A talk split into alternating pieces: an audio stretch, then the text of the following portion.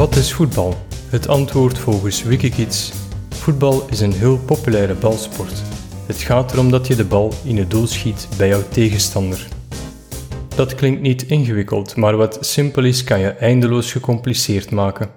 In voetbal heb je trainers nodig die tactieken bedenken, spelers die die tactieken aanleren, commentatoren die de tactieken becommentariëren en supporters die het beter weten dan al deze samen.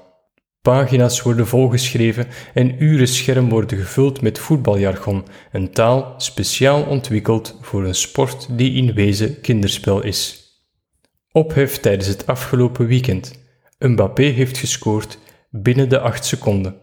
Hoe dat gaat? Wel, de aftrap wordt gefloten, de centerspeler bij de middenstip speelt de bal achteruit, waardoor de elf tegenstanders een beetje meeschuiven en dan wordt die bal plots met een grote haal over alle tegenstanders heen tot in de 16 gelanceerd. Daar duiken drie spelers op die vanaf het fluitsignaal zijn beginnen lopen.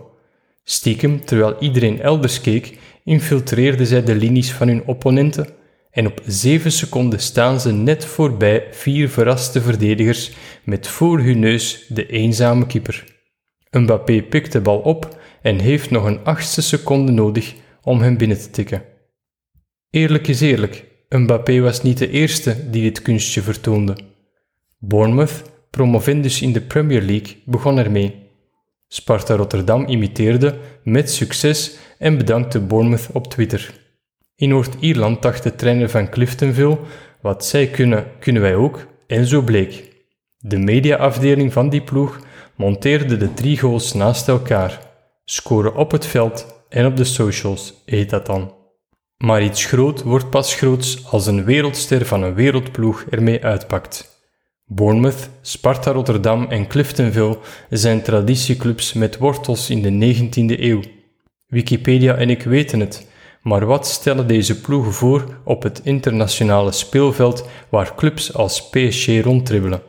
Ze zijn de voetnoot van het voetbal, de kop, dat zijn de clubs in handen van superrijken die hun tekort aan traditie ruimschoots compenseren met miljoenen aankopen en met spelers als Mbappé.